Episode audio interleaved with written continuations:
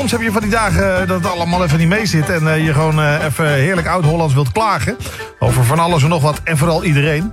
Dat is helemaal niet goed. Dat zegt eh, Sandra Brandt uit Haarlem. Zij kan het eh, weten. In het dagelijks leven doet zij van alles eh, en nog wat. En ze, ze laat eh, zich niet in hokjes plaatsen. Dat is maar goed ook dat er eh, geen telefooncellen meer bestaan ook. Want eh, eh, ze hangt wel aan de telefoon nu. Sandra, goedemiddag. Ja, goedenavond alvast, Ja, wat jij wil. Eh, wat een rot weer, hè? Wat zeg je? Wat een rot weer. Vind je? Oh ja, je moet even klagen natuurlijk om te introduceren. Een bruggetje maken bedoel je? Je hebt hem door, je hebt hem door. Ja, ik, ik denk, kijk even of ik je mee kan krijgen in het gezeik. Lukt nog niet, lukt nog niet. Wat doe, je, wat doe jij in het dagelijks leven?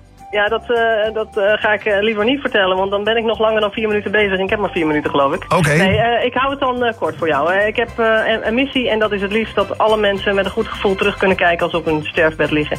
En volgens mij hangt dat af van of je het heft in eigen hand kan nemen tijdens je leven.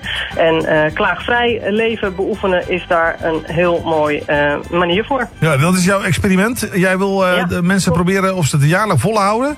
Of moet, moet jij het volhouden zolang... Ja, ik heb het eigenlijk een experiment voor mezelf eh, gemaakt vorig jaar zo'n beetje. En nu is het 365 dagen later. En ik denk dat ik zo'n eh, 85% minder klaag inmiddels. Dus eh, we zijn er nog niet helemaal, dus ik ga door. Oké, stel, het regent, zit op de fiets. Nou, de- Ja. Ik ben, eh, ben net vier keer afgesneden door een auto met haast. Eh, ik merk Ja. ook nog even dat ik een lekke band heb. Ik kom daarmee te laat op mijn afspraak. Ja, ik ga dan over de rode. Ja, klopt. Dan, eh, dan denk ik meteen, de gebeurtenissen zijn allemaal feiten. Wat je net beschrijft, te laat komen is niet een feit. Dat is een interpretatie, dus die haal ik er meteen uit voor mezelf als ik het zou zijn. Want het, is, het feit is dat ik eh, op een ander tijdstip kom dan dat ik eerst dacht. Eh, dus ik ben nu gewoon door deze oefening ben ik me heel gewaar van wat zijn nou feiten, wat zijn gebeurtenissen, wat is volgens mijn gedachte en dat maakt mijn gevoel en mijn gedrag. Ja. Dus ik ben eigenlijk mijn eh, eh, gewaarworder geworden van mijn gedachten en daardoor ben ik ze zelf niet meer. Maar Sandra, En, dat kan ja. ik wel vinden. Maar de tegenpartij hoeft dat dus helemaal niet van mij te vinden. Die kan bij jezelf denken, ja, dat dat kan je vinden. Maar dat is niet zo. Nou, dat mag. Kijk, als de ander het vervelend vindt, dan heeft hij ook weer recht op zijn of haar gevoel. Dat mag hij helemaal zeggen. Ja, ja, ja. Ja, Ja, nou, daar kom ik zelf, eh, zeg maar... eh, ik ben opgegroeid in de Amsterdamse Zandbak. Eh. En daar maakten we van ons hart geen moordkuil.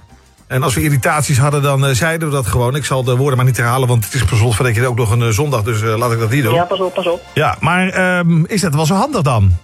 Nou, ik wil in ieder geval één regel. Er is maar één regel bij klaagvrij zijn. Eh, eh, dat is eh, hardop en in gedachten. Maar de ene regel is dat het wel oprecht moet blijven. Dus ik wil niet dat mensen dingen gaan oppotten of doen alsof het goed gaat. Dus de kunst is te onderzoeken wat gebeurt er nou, wat komt er voor in de plaats. Als jij bijvoorbeeld rot voelt of boos bent en je wil niet klagen, maar je wil wel oprecht blijven.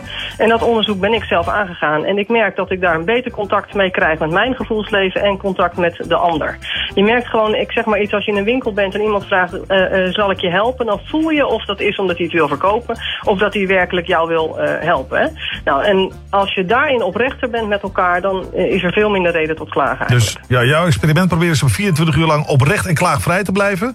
ja, 23 Maar ja, januari op Blue Monday. Soms is het gewoon niet handig om, om eerlijk te zeggen wat je, wat je van iemand vindt. Ook al, ook al ben je dan voorkomen eerlijk. Wa- Wat moet je er dan mee? Ja, maar dan, dan kies je dus om dat bijvoorbeeld niet te doen. Maar dan moet je ook niet over klagen. Want je kiest er bewust voor om dat niet te zeggen. Ja. Dat is je eigen keuze. Ga gewoon 24 uur proberen. 23 januari, en dat is klaagvrije maandag. Inmiddels zijn er al 16.000 mensen op Facebook die hebben gezegd... eh, we doen mee, geïnteresseerd. Ja. Dus dat, eh, eh, nou, je bent niet alleen, zeg maar, die dag. Nee, dat klopt. Maar wat ik ook merk, dat tegenwoordig heel veel mensen zijn... die eigenlijk helemaal niks meer durven te zeggen. Mensen die eigenlijk heel veel oppotten. Die Ja. last van hun darmstelsel krijgen. We hebben heel veel mensen die darmklachten hebben... of, of anderszins klachten hebben.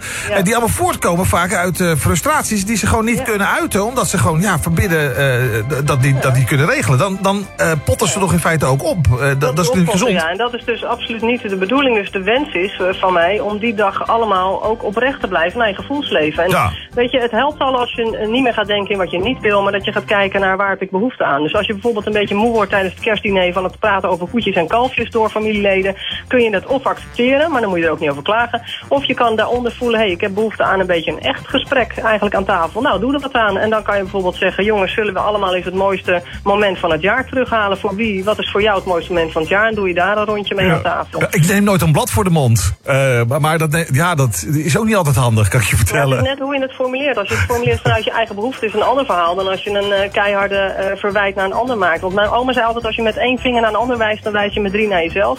En het is gewoon niet leuk om te horen als iemand zo tegen je praat. Het is veel fijner om te horen wat die ander eigenlijk wel bent. Ben je, ben getrouwd? Je, va- eh, heb je- heb je een liefie of niet? Ja, hoezo? hoezo? Kom, nou, kom, je, kom je daar goed mee uit dan, met dat verhaal? Of, eh? Ja hoor, ja zeker. Oké, goed zo.